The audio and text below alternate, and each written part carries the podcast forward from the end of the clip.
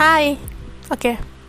Balik lagi sama gue Abel. Oh enggak deh, enggak deh. Beda beda beda. Abel di sini. Kalian kalau misalkan nonton Gadget In, pasti kalian tahu kalau misalkan pembukanya Gadget In tuh kayak gitu gak sih? Oke, nggak penting banget. Jadi sebenarnya gue kemarin tuh ada record podcast gitu bareng temen gue dari Anchor. Terus habis itu tuh kita kan sama-sama pakai earphone kan. Kita buat dua episode. Jadi tuh kayak kita beda ada dua topik kan.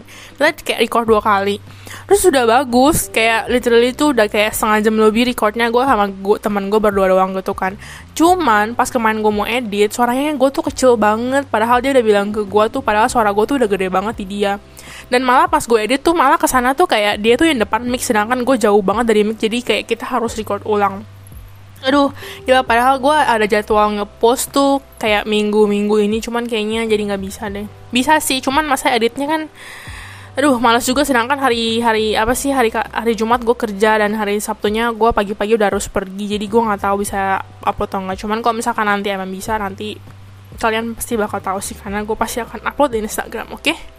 jadi ini episode ke berapa ya ke 10 berarti sekarang ya Hmm, gue sebenarnya gak tahu sih mau ngomongin apa. Sumpah gue lagi kehabisan topik banget karena dari kemarin gue juga gue tuh cuman di kamar doang, terus di kamar doang dan kayak apa sih gabut banget. Literally gue dari pagi bangun bangun dari jam 6 habis itu tidur lagi. Bangun lagi jam 8an tidur lagi. Bangun lagi jam 10 gitu terus sampai kayak lima kali ada kali.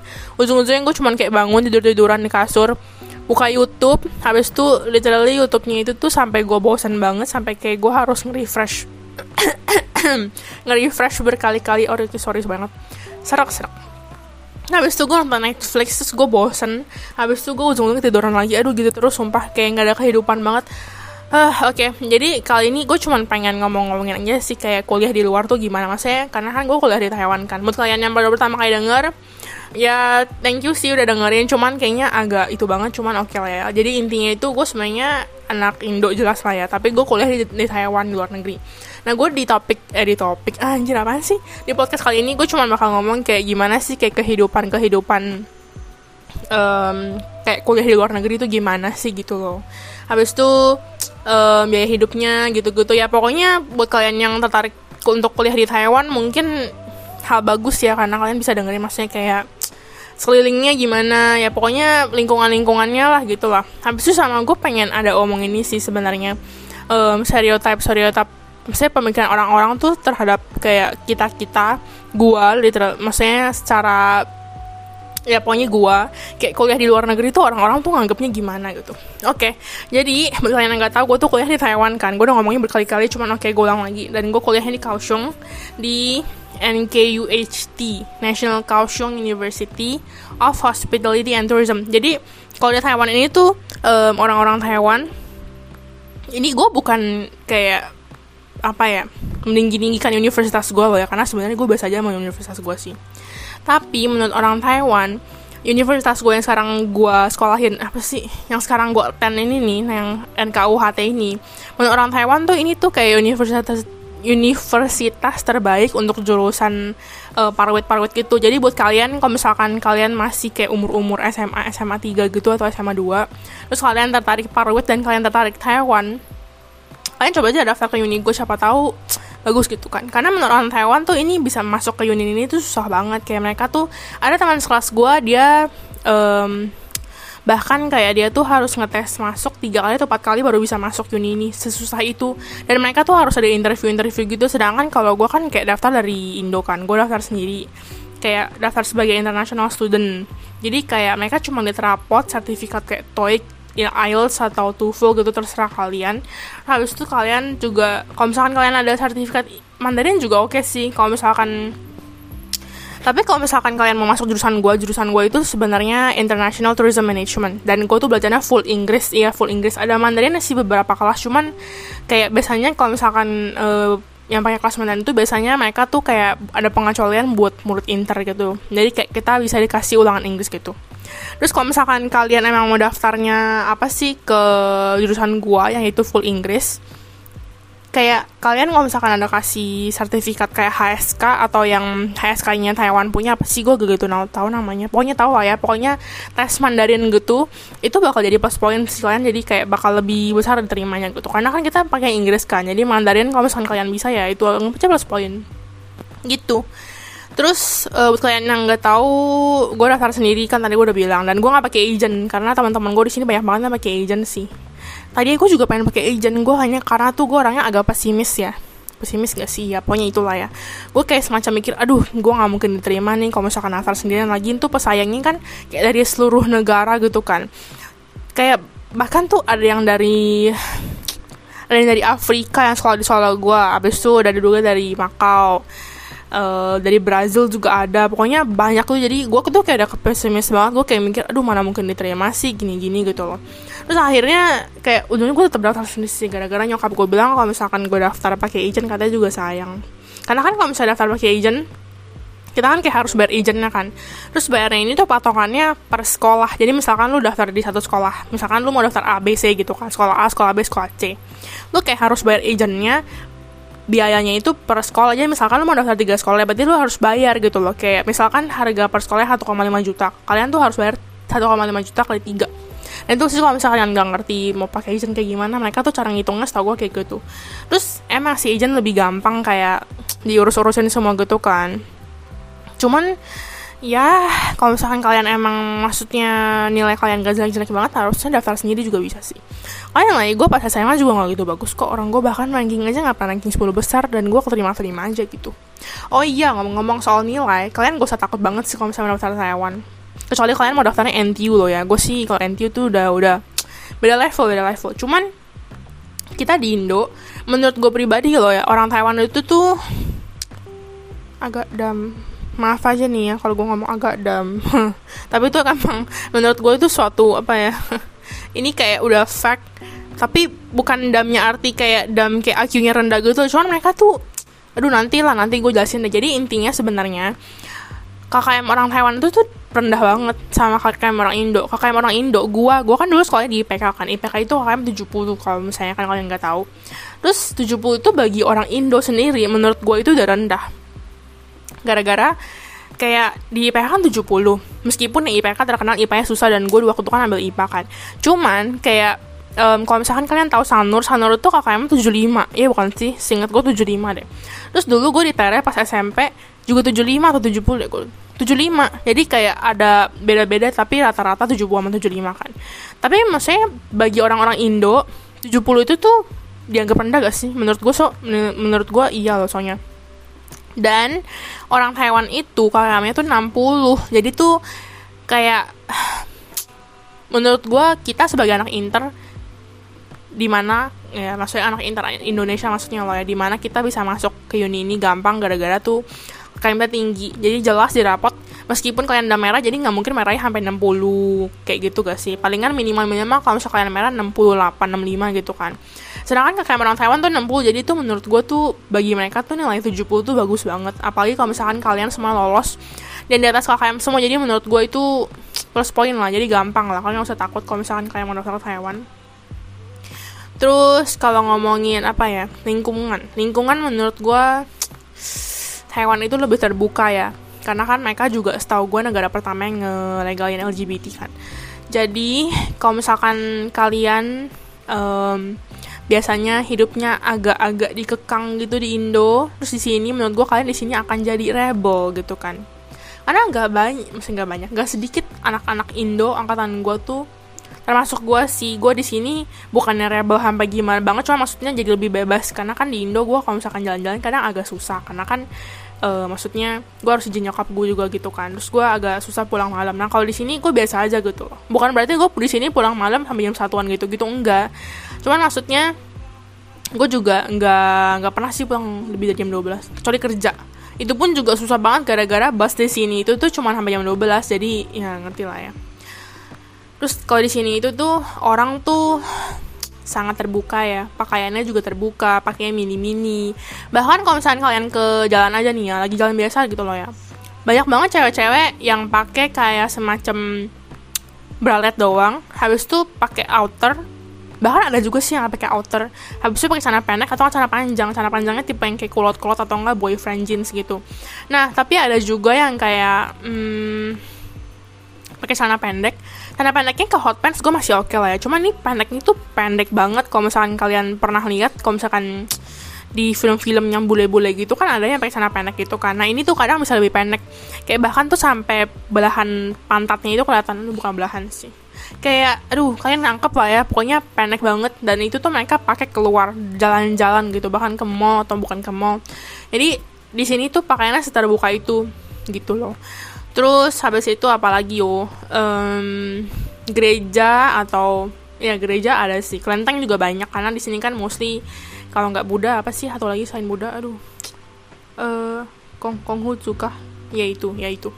Kalau gereja ada cuman gerejanya nggak gitu banyak terutama gereja Katolik sih. Gereja Katolik agak jauh. Cuman ada lah. Jadi kalau misalkan kalian gereja Katolik kayak sekolah di sekolah yang beda gitu ujung-ujungnya pasti kayak ujung-ujungnya bisa ngumpul di satu gereja yang sama kalau Katolik lo ya. Kalau Kristen lebih banyak cuman emang nggak semua ada kayak ibadah Inggris atau Indonesia. Kalau Indonesia setahu gue cuma ada di KMS doang sih. Cuman gue juga nggak tahu sih karena kan gue bukan Kristen. Terus kalau apa lagi yo? Pergaulan. Pergaulannya mereka gampang sih sehari-hari kayak klub gitu-gitu Terus di sini kalau di Indo kan agak tabu ya. Kalau misalkan pacaran tinggal bareng. Habis itu kayak ciuman di depan umum gini-gini yang pernah gue udah bahas di podcast sebelumnya. Nah kalau di sini di sini tuh sangat amat amat amat normal. Jadi kalau misalkan kalian jalan-jalan keluar, terus habis itu kalian melihat ada suatu gay atau lesbian atau LGBT lah, ciuman di depan kalian nah itu udah hal normal banget. Jadi kalian jangan kayak um, panas sih nih orang aja kayak gitu karena di sini udah legal jadi udah no surprise gitu loh terus kalau misalkan kalian ketemu teman kalian nih orang Taiwan maupun bukan orang Taiwan tinggal bareng nah itu tuh juga udah biasa banget gara-gara di sini udah sangat amat amat terbuka gitu loh. Udah biasa banget sih bahkan gue sana jadi kosan kan. Terus kosan ini tuh kayak rame-rame gitu maksudnya disewanya per kamar gitu kan. Terus kamar mandinya gue yang kamar mandi bareng. Jadi otomatis uh, barengan sama temen gue yang kamar sebelah saya yang kamar ini sama anak atas. Nah anak atas itu gue tuh nggak denger. Eh nggak denger apa sih anjir? Halu halu halu anak atas ini gue nggak kenal. Jadi anak atasnya tuh cowok. Nah cowoknya ini tuh sebenarnya kan tinggal sendirian kan gara-gara kamarnya juga harus sendirian. Cuman ceweknya ini pacarnya tuh suka datang ke sini jadi tuh kayak suka tidur bareng. Dan ini tuh ya udah biasa aja sih bagi orang Taiwan terus kalian harus tahu aja gitu. Jadi kalau misalnya kalian kayak melihat orang-orang di sini tuh kayak ih kok gitu sih? Di Indo nggak gini-gini? Nah itu tuh udah biasa banget. Pokoknya sangat amat-amat biasa. Habis itu kayak bahkan aduh sorry bahkan mereka tuh sampai kayak pindah-pindahin barang mereka ke rumah pacarnya tuh juga udah sering. Dan itu udah normal banget sih jadi seterbuka itu ya emang. Apalagi oh gue sebenarnya ada omongan ini sih kayak sebenarnya gue sebagai orang-orang salah satu orang dari sekian banyak orang yang kayak kuliah di luar negeri gitu ya. Kayak gimana ya? Orang-orang tuh kayak langsung mikir misalkan nih jangan kayak orang Indo doang deh orang Taiwan juga bahkan gitu. Malah menurut gue orang Taiwan kayak lebih responnya tuh lebih gimana gitu loh. Misalkan uh, mereka tahu gitu kan. Gue contohnya Taiwan aja lah ya. Misalkan gue lagi di Taiwan nih. Apa sih? Iya gue lagi di Taiwan ya kan. Habis itu misalkan gue lagi di luar. Terus gue ketemu orang nih. Habis itu orang kayak tahu oh lo bukan orang Taiwan. Terus gue kayak bilang oh bukan. Gue orang Indo. Gue orang Waikoran gitu kan terus kayak nanya terus di sini lo ngapain? Ya gue bilang dong oh gue belajar di sini. Dia kayak nanya oh di mana? Habis itu dia kayak uh, eh, gue kan kayak bilang kan oh ya di sekolah ini. Habis itu dia kayak bilang oh mandarinnya bagus ya gini gini ya. Nah habis itu kayak ujung-ujungnya pasti tuh uh, mereka tuh kayak bilang wah banyak duit ya kayak orang baik duit ya orang kaya ya. Terus ujung-ujungnya ya kita pasti kayak langsung oh enggak kok enggak gini-gini gitu kan karena gue juga pernah waktu itu pulang bareng sama teman gue kita naik taksi bisa di mall kan kita udah capek banget kan. Kita bertiga dua cewek atau cowok. Saat orang taksinya kayak pas kita udah mau nyampe ke sekolah ini taksinya tuh kayak nanya kalian tuh emang orang mana? Karena kita kan kita kan dari kayak perjalanannya tuh kita kan ngobrol terus pakai bahasa Indonesia kan. Nah, habis itu orang taksinya kayak semacam nanya kayak kalian tuh orang mana sebenarnya habis itu kayak teman gue yang cewek ini jawabin oh kita tuh orang Indo. Habis itu kayak nanya oh di sini tuh belajar? Habis itu kayak teman gue ini bilang iya belajar. Habis itu orangnya kayak kayak langsung bilang wah kalian banyak duit ya? Oh ya ampun kalian banyak duit ya. Pokoknya tuh bener-bener kayak oh kalian orang kaya ya habis itu uh, kayak teman gue kayak langsung kayak maksudnya yang gak mau juga maksudnya dianggap kayak gitu. Akhirnya teman gue kayak semacam bilang oh enggak kok kita kan beasiswa gitu kan. Habis itu orangnya kayak bilang ya orang kaya berarti ya tetap aja gitu kayak gimana ya stereotip orang-orang di sini tuh nggak harus di sini doang sih. Pokoknya stereotip orang-orang kalau udah kuliah luar negeri tuh pasti kayak ya gue nggak akan bilang kalau misalkan keluarga gue tuh tidak berduit. Karena kan emang gue udah bisa keluar negeri kan maksudnya kayak tiket pulang pergi. Belum kalau misalkan gue tiap liburan juga ada balik. Gue nggak bilang kalau misalkan gue miskin atau maaf aja aduh kasar banget ngomong miskin ya. Aduh pokoknya tidak berduit lah ya. Cuman gue gak akan bilang bahwa diri gue itu lebih kaya dari orang-orang yang bahkan ada kuliah di Indo. Karena kalian tuh jangan mikir kayak, oh kita tuh orang-orang yang kuliah di luar pasti jauh lebih kaya daripada orang-orang yang kuliah di Indo doang. Gak gitu anjir, bahkan temen gue ada yang kuliahnya di Untar doang, ada yang kuliah di Sakti, OMN, dan mereka jauh lebih kaya daripada gue. Cuman emang mereka tuh gak pengen keluar negeri aja gitu loh. Karena tuh sebenarnya kalau dihitung-hitung, ya emang sih gue gue kuliah di Taiwan ini sebenarnya uang sekolahnya dihitung-hitung gak lebih murah lebih mahal lebih mahal dikit lebih mahal banyak ya. Pokoknya lebih mahal lah ya. Karena sebenarnya cuma kalau dihitung sebenarnya mirip-mirip sih. Karena kan kalau di Indo kan kalau misalnya bayar uang sekolah gitu gitu kan SPP kan. Di Taiwan tuh nggak ada. Jadi gue bayarnya benar-benar per semester gitu loh. Cuman kalau di Indo biasanya SPP jadi malah di awal doang. Harus setelahnya kayak agak murah gitu kan. Nah kalau di sini itu dari awal sampai akhir tuh sama semua. Dan gue tuh di, karena dihitung sebagai anak internasional jadi itu uang sekolah gue juga mahal karena ya anak inter gitu loh kalau dulu engkau gue kuliah di sini tuh dianggapnya dia tuh dianggapnya orang Taiwan gara-gara dia dulu ikutin Infopan. Nah, buat kalian yang misalkan mau daftar ke Taiwan juga nih, kalian juga bisa ikut Infopan. Infopan itu tuh kayak suatu kayak pokoknya tuh ini organis bukan organisasi kayak semacam aduh gimana cara ngomongnya pokoknya kayak semacam aduh apa sih pokoknya ya suatu hal yang dibuat sama organisasi Taiwan Indonesia. Jadi kayak kalau misalkan kalian tuh mau daftar ke Taiwan nanti kalian kayak ikut infopan ini kan kalian join bareng gitu kan sama infopan ini. Kalian bayar mereka gue lupa sih kalau nggak salah terakhir yang gue tahu bayarnya 30 juta deh. Nah selama sebulan ini kalian nanti sebulan dulu nih kayak di Tamkang kayak beda-beda sih. Cuman terakhir kali temen gue itu mereka uh, di Taichung. Gimana aku juga lupa sih kayak ya pokoknya daerah situ lah ya di Tunghai kalau nggak salah dulu uh, tahun 2018 pas teman gue ikutin Fupan ini. Jadi selama sebulan ini kalian tuh kayak nanti udah belajar-belajar gitu Mandarin lah kelas-kelas lain lah. Nah habis itu nanti um, pas kalian nanti awal masuk uh, maksudnya awalnya pas sini besoknya kalau nggak salah kalian bakal ada tes Mandarin. Nah dari tes tes ini kan pasti ada nilai dong. Nah nanti dari nilai-nilai ini kalian bakal dibagi kelas kayak mana kelas Mandarin yang atap atap apaan sih? Aduh dari tadi maaf banget ya yang kayak advance, yang medium sama yang basic gitu loh.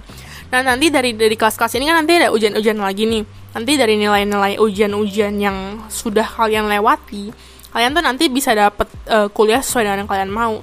Jadi kalian nanti dari awal tuh udah disuruh buat list. Kalian tuh mau kuliah, maksudnya universitas nomor satu kalian tuh apa? Misalkan kalian pilih NTU nomor satu, terus jurusan pertama NTU yang kalian mau tuh misalkan public health contoh aja lah ya. Terus yang kedua psikologi, terus yang ketiga itu pop pop apa sih teknik sipil anggap aja kan terus universitas kedua kalian tuh misalkan hmm, di uh, Thailand, Chongqing gitu kan. Nanti kalian jurusan pertamanya A, jurusan keduanya B, jurusan keduanya C. Nah nanti dari nilai-nilai itu kalian tuh bisa dapat sesuai dengan apa yang di list kalian. Jadi semakin bagus nilai kalian ya semakin kemu apa sih chances kalian buat dapetin kayak um, universitas di list kalian paling atas sama jurusan kalian yang paling pertama tuh makin gede. Sedangkan kalau misalnya kalian kayak nilai makin apa sih makin jelek makin bawah, nah ya udah kalian bakal kesaing sama yang anak-anak lain gitu loh. Cuma nanti tau gua um, nanti jurusan IPA sama IPS tuh nanti dibedain. Jadi kalian tuh misalkan mau ambil jurusan IPA, nanti kayak kalian tuh lawannya udah sama IPA aja, jadi IPS nggak akan ada hubungan gitu. Itu sih tau gue. Cuman yang gue tahu kayak semakin lama katanya si infopan ini tuh um, belajarnya tuh makin dikit jadi lebih pengen jalan-jalan gitu. Karena dulu pas zaman zaman uh, angkau gue mereka tuh belajar kayak tiga mingguan empat mingguan gitu. Jadi benar-benar jalan-jalanan tuh cuma beberapa hari doang. Tapi sedangkan yang gue tahu kayak terakhir yang gue tahu tuh 2018 tuh mereka jadi dua minggu belajar dua minggu jalan-jalan. Jadi kalau misalkan kalian mau ngincar jalan-jalannya ya nggak rugi sih. Cuman kalau misalkan kalian mau ngincar belajarnya sama kayak kelas-kelasnya ya ya kalian nanti mikir-mikir sendiri lah ya. Nah itu infopan habis itu eh apalagi yo? Oh iya iya ya kalau misalnya kalian in, ikut infopan ini nanti otomatis kalau misalnya kalian dapat uni di sini kalian tuh kehitungnya sebagai Chaosheng nah kan kalau misalkan kalian kehitung sebagai Chaosheng ini kalian tuh jadi otomatis harga uang sekolahnya sama kayak orang Taiwan. Dan iya harga orang harga aduh, aduh harga uang sekolah orang Taiwan tuh lebih murah. Jauh lebih murah daripada anak kita anak inter. Gitu terus apalagi yo? Hmm, pertemanan. Kalau pertemanan di sini kalau gue sebagai anak inter loh ya ini kayak cerita-cerita dari uh, teman-teman gue yang udah pernah cerita ke gue dan yang gue tahu. Jadi sebenarnya gue sama ini gak ada masalah sih sama orang Taiwan.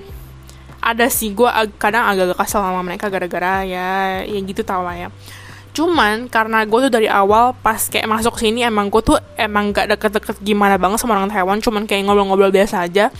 Jadi sampai sekarang ya udah biasa aja karena gue tuh emang bergaulnya sama-sama orang Indo.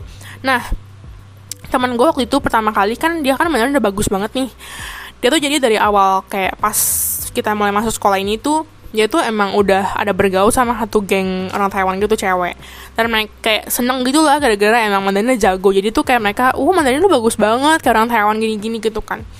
Nah abis itu um, awal-awal mas pokoknya masih deket banget. Tapi tahu-tahu kayak menjauh. Menjauhnya bukan berarti musuhan cuma maksudnya kayak ujung-ujungnya gak main bareng lagi. Nah oke okay, ini ini nggak contoh yang mungkin um, coincidence gitu kan. Kita bahas lagi ke yang lain. Jadi gue ada temen um, sangkatan sama gue dia kuliah di Taichung kan.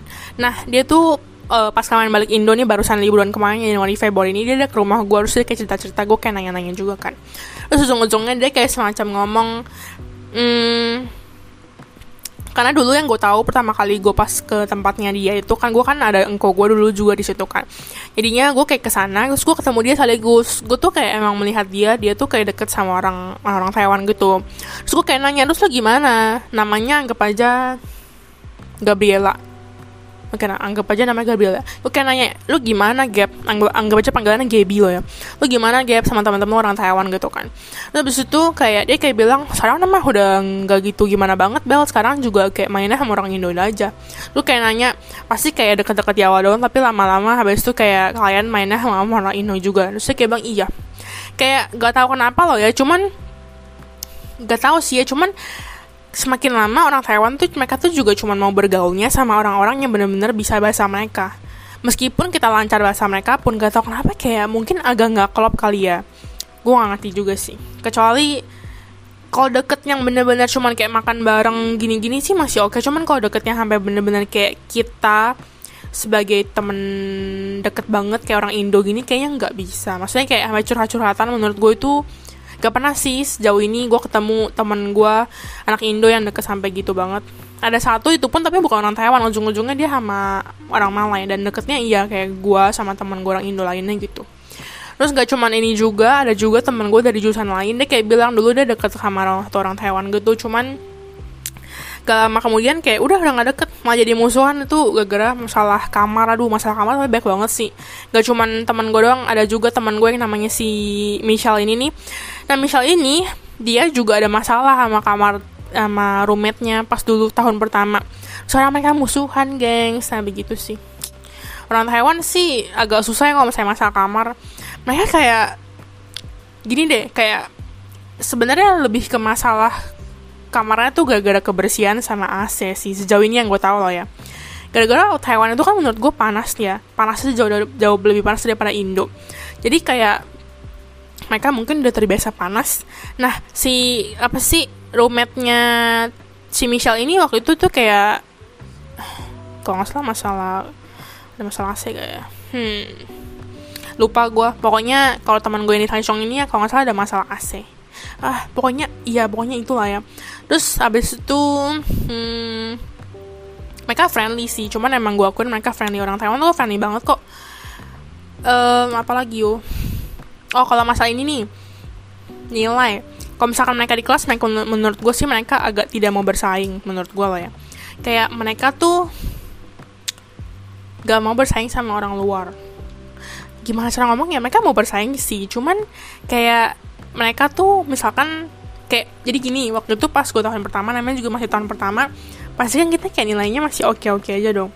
Nah jadi waktu itu di kelas gue ini jurusan gue ini kayak anak Indonya totalnya ada satu dua tiga empat hmm, satu dua tiga empat lima enam tujuh delapan. Ada tujuh orang Indo itu ada tujuh pas tahun pertama ini kan. Nah habis itu pas um, semester satu semester udah kelar kan pasti kan kalau di layang akhir pas ada ranking rankingnya kan. Terus ranking semester satu semester dua ya gue lupa. Pokoknya pas tahun pertama lah antara dua itu. Habis itu uh, pas udah score ranking kayak kita anak Indo tuh dapat 10 besar semua. Gue nggak tahu sih tiga teman gue yang lain tuh dapat atau enggak cuma maksudnya uh, teman-teman sekelompok gue yang gue bisa main bareng mereka kan kita berempat nih. Gue dapet ranking 3 bukan bermaksud sombong tapi ini gue cerita doang. Terus teman gue yang dapet ranking 1 ranking 1 dari 40 orang. Habis itu teman gue yang satunya lagi dapat ranking 4 sama ranking 6 atau ranking 5 gitu. Jadi kayak mostly anak Indo dong. Habis itu ranking 2 nya juga bukan orang Taiwan ranking 2 nya ini orang Afrika gitu kan. Terus habis itu kayak um, satu hari pas sudah beberapa hari kayak di Korean nilai eh di Korean rankingnya ini satu hari tuh kayak ada anak temen apa sih ada anak se ada anak di kelas gua cewek orang Taiwan dia kayak tahu gitu anak Indo tuh kayak ranking 10 besar semua hampir semuanya lah yang anggap aja. Terus habis itu dia kayak langsung post di Instagram gitu Dia kayak ada um, post story di Instagram.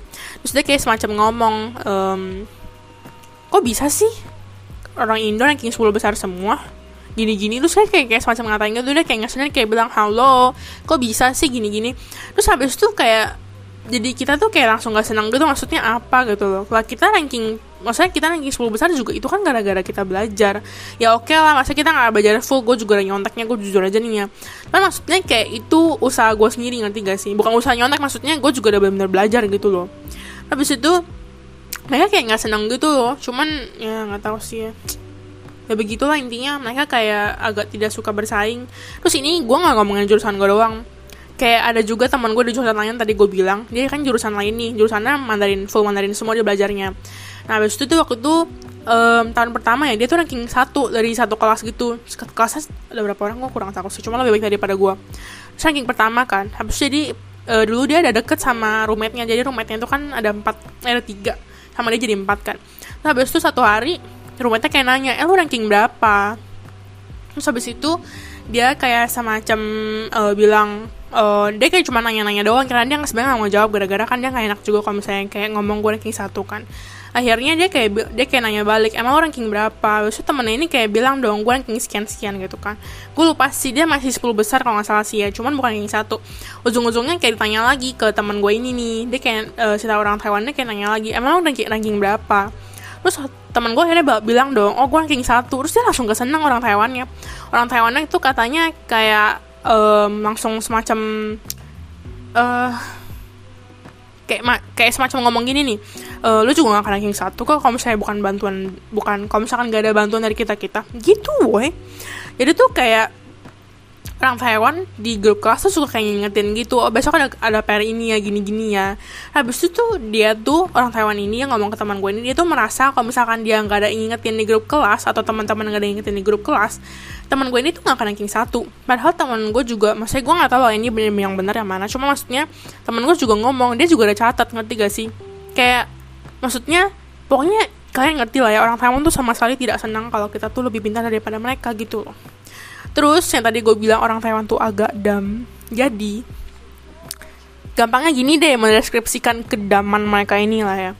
Misalkan gini, kalian tuh misalkan mau kerjain satu tugas gitu kan. Terus um, anggap gini deh kalian misalkan mau potong satu kertas nih kertasnya misalkan bentuk hati gitu kan tinggal ikutin trace aja kan jadi kita sebagai anak normal biasa gitu kan yang kayak nggak mau ribet kita kan pasti cuman kayak oh ya kita gambar hatinya ada spidol nih kan ada item-itemnya ada trace itemnya kan. Kita tinggal gunting aja ikutin trace-nya dong. Nah orang Taiwan tuh nggak akan kayak gitu pemikirannya. Gue oke okay lah gue nggak ngatain orang Taiwan secara keseluruhan. Cuma maksudnya most of them di mana yang gue kenal kayak teman-teman kelas gue dan teman-temannya. Maksudnya sebagian besar loh ya nggak semuanya. Mereka tuh pasti bakal mikir kayak gini aduh ini gimana cara potongnya ya? Aduh apa kita nanti eh, kita gambar dulu habis kita jiplak habis itu kita baru gunting. Jadi tuh mereka tuh nggak ada kayak ada jalan cara cepat ada jalan singkatnya jalan singkat normal. Mereka tuh maunya jalannya tuh muter-muter gunung dulu. Hmm, kayak gitu dah. Ini maksud gue kedaman orang Taiwan cuman ini nggak berarti gue ngatain orang Taiwan kayak dam dalam arti kayak aduh IQ-nya rendah loh ya. Cuman ya udah kalian ngerti lah ya. Uh, udah sih kayak itu doang. Oh kalau biaya hidup I'm, gonna, I'm just gonna make this quick ya. Jadi kalau biaya hidup sebenarnya tergantung kalian sih. Kalian boros atau enggak? Karena gue jujur di sini gue agak boros gitu kan. Karena pertama kali gue datang ke sini nyokap gue tuh kirimin duit anggap aja misalkan A juta gitu kan. Terus habis itu kayak pas tahun kedua ya nyokap gue tuh mungkin kayak tahu gue suka jajan karena gue kan di sini ada nambah berat badan juga kan. Jadi kayak dia tuh pas tahun kedua dia tuh nambahin apa sih kayak bulanan gue jadi misalkan jadi B juta gitu loh. Nih kayak gitu sih kalau misalkan kalian mau bilang lebih murah sebenarnya juga enggak menurut gue di sini lebih mahal Cuman kalau bagi orang sini tuh normal. Kayak misalkan nih di sini sekali makan, kalau misalkan kalian makan ada sayur ada daging loh ya. Paling murah ya. Selama ini gue makan semurah-murahnya itu 55 NT sampai 60 NT. 55 NT anggap aja sekarang kursnya kan lagi 500 nih anggap aja jadi anggap aja 20 um, 30 ribu lah sekali makan dapat sayur sama daging cuman dagingnya juga daging yang kayak benar-benar paling kayak ayam berapa biji doang sih. Kalau misalkan kalian kayak ambil ikan gitu-gitu mahal. Karena ikan dori aja yang kayak digoreng biasa gitu aja harganya 20 ribu. Ya 10 NT ini kalau misalnya kalian makan biasa makan kayak piantang-piantang gitu kayak bento box gitu loh. Terus kalau misalkan kalian kayak makan di restoran yang bukan restoran kayak di mall-mall gitu loh ya benar-benar bukan restoran servisnya mahal. Restoran biasa di pinggir jalan cuman kayak restoran-restoran Chinese di pinggir jalan gitu lah kayak misalkan bakso apa di Indonesia gitu kan.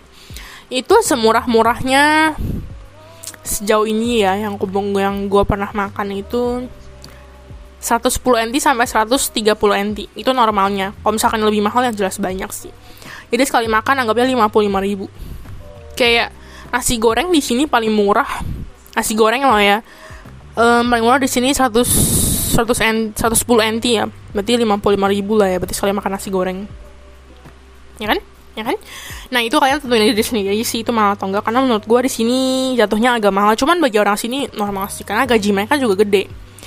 And then kalau misalkan kalian nanya harga baju gitu-gitu menurut gue sih jujur banget apa sih jujur banget aduh maaf gila dari tadi gue lagi nggak konsen nih menurut gue jujur aja pribadi kalau misalkan kalian nanya harga baju sebenarnya menurut gue harga baju di sini lebih murah kecuali kalau misalnya kalian beli brand-brand kayak H&M, Pull&Bear, nah itu jelas harganya sama, kurang lebih lah, paling cuma beda 3000 5000 doang. Cuman kalau misalnya kalian belinya di Thailand Market nih ya, hmm, murah sih sebenarnya. Menurut gue dibandingin harga-harga di Indo, apalagi di Mangga Dua sana juga udah mahal kan. Itu bisa dibilang jauh lebih murah. Gara-gara di sini satu baju aja lah ya. Anggap baju kaos biasa nih, 130 NT 65 ribu kan. Nah itu termasuk termasuk murah sih menurut gue ya karena belinya juga di market. Cuman kalau misalnya kalian kayak beli bajunya kayak blues maksudnya kayak kemeja kemeja yang ada model-modelnya gitu Sabrina atau apa itu kisaran 250 NT sampai 300-an jadi anggap anggapnya 375 berarti harga bajunya ini sekitar 187,5 ya 150 sampai 100 eh 125 sampai 180-an lah ya. Nah, itu menurut kalian aja murah atau enggak? Cuman, kalau misalkan kalian mau beli baju di market nih ya, mendingan gue saranin nih ya, sebagai orang yang udah tinggal di sini hampir 2 tahun. Gue saranin kalian belinya dari Shopee aja, di Shopee banyak banget kok yang kayak baju-baju kayak gitu. Cuman mereka kiriman dari highway, dari luar negeri. Jadi kalian kalau misalkan mau pesen dari Shopee harus nunggu kayak sekitar semingguan gitu sih. Dan itu banyak banget toko-tokonya, ini gue sebutin salah satunya aja lah ya. Um, Xiao Cain TW. Cain ini jadi Xiao-nya X I A O, Cain ini Z H A I N T W. Nah, itu salah satunya. Ada juga ada banyak banget sih kalian cari-cari aja sumpah terus habis itu modelnya mirip-mirip dan kalian jadi harus pintar-pintar aja nyari yang mana paling murah mana yang lebih murah mana yang lebih mahal gitu aja sih dan kalau misalkan kalian mau belanja-belanja aksesoris-aksesoris kayak ini free. Eh kok aksesoris sih? Skincare gitu-gitu kayak ini free. Ya so itu tahu sini mahal banget sih menurut gue jauh lebih mahal daripada Indo jadi gue saranin jangan beli di sini ya gengs. Kalian kalau misalkan mau beli kayak gituan mendingan beli di Indo aja. So bawa ke sini. Atau nggak beli dari Shopee. Tapi Shopee lebih murah dan meskipun gak semua di Indo sih. Di sini gue jadi ada beli barang ini sering kan di Indo. Kemarin gue ada pokoknya pas balik Indo gue sempet beli kayak lotion buat muka gitu. Bukan lotion sih ya, pokoknya ya skincare lah ya. Gue beli tuh 180 ribu. Dari Tokped sih. Cuma harga aslinya juga kisaran segitu. 190 sampai 200 ribuan gitu di di Innisfree Indo lah ya. Terus di sini di sini harganya itu seingat gua 700an NT jadi harganya sekitar 300 ribuan gitu. Jadi harganya dua kali lipat. Jadi menurut gua itu mahal banget. Itu tahu juga mahal. Jadi kalau misalnya kalian mau beli skincare skincare kayak gitu mendingan cari di Shopee atau ada di sini tuh kayak toko-toko yang kayak semacam isinya skincare terus perawatan-perawatan nah, ada sih nanti kalian cari sendiri aja. Namanya kalau nggak salah Xiaosan Mirror ya. Xiao San Xiao kecil San 3 Mei-nya ini Mei cantik Mei punya Mei sama Re yang Re tanggal tertanggal lah ya tau lah ya atau Re hari. Ada juga namanya biji shop nah kan sekitar sekitar segitu. Cuman ya kalian nanti tahu sendiri ya apalagi ya temen oh kalau kosan kosan di sini sebenarnya tergantung kota sih. Kota gue ini Kaohsiung kan kota terbesar kedua di Taiwan kan. Cuman mungkin gara-gara agak bawah jadi Kaohsiung ini kalau kosan termasuk lebih murah daripada Taipei. Kalau Taipei kan kota benar-benar kota kan. Kalau di Taipei tau gue paling murah ya paling murah ini ini menurut gue murah yang masih bisa di diterima lah ya kondisi kamarnya itu sekitar 10 ribuan. 10 ribu sampai 11 ribu itu paling normal dan itu sekitar 5 juta per bulannya. Belum termasuk listrik dan belum termasuk air air ada beberapa yang udah sih kalian minta cari aja. Kalau di Kaohsiung ini tempat gua tergantung kalian mau cari kamar apa. Kalau kamar gua yang kayak kamar mandi luar terus habis itu pokoknya yang Yafang punya kayak kamar mandi luar. Jadi bener-bener kamarnya bener cuma kayak kasur meja lemari gitu-gitu ini gue berdua sama temen gue sebulannya 4200 NT jadi satu orang 2100 berarti harganya satu juta lima puluh ribu ya? Nah sekitar segitu. Ini paling murah dan ini benar-benar paling murah yang gue bisa gue ketemuin.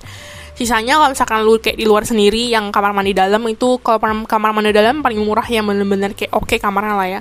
Harganya kisaran 4.300 sampai 5.000an nah segitulah ya. Dan 4.300 ini tuh belum termasuk listrik sama air kah aduh gue lupa. Ya pokoknya itu. Tapi ada beberapa yang termasuk air sih.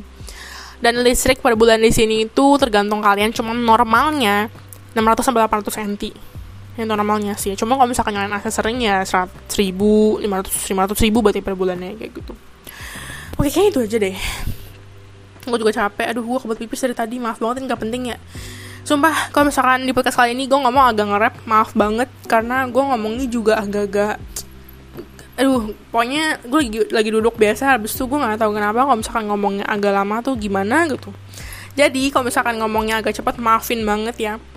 Dan ini sebenarnya gue ngejar ini sih karena gue tuh targetnya sebenarnya nge-uploadnya ini tiga kali per minggu cuman kayak nggak bisa karena gue lagi kehabisan topik. Oh iya ini ngomong-ngomong ngomongin soal topik ya. Ini kan gue totalnya ada 9, pot, 9 episode lah ya. Terus di antara 9 episode ini yang paling banyak yang denger itu kenapa sih yang tentang ini nih? Tentang persahabatan kayak mungkin gak sih yang namanya persahabatan antara jenis? Ini kayaknya banyak banget tertarikinnya terus habis itu nggak stop stop maksudnya kayak tiap hari masih ada aja yang dengerin gitu loh. Ini paling banyak.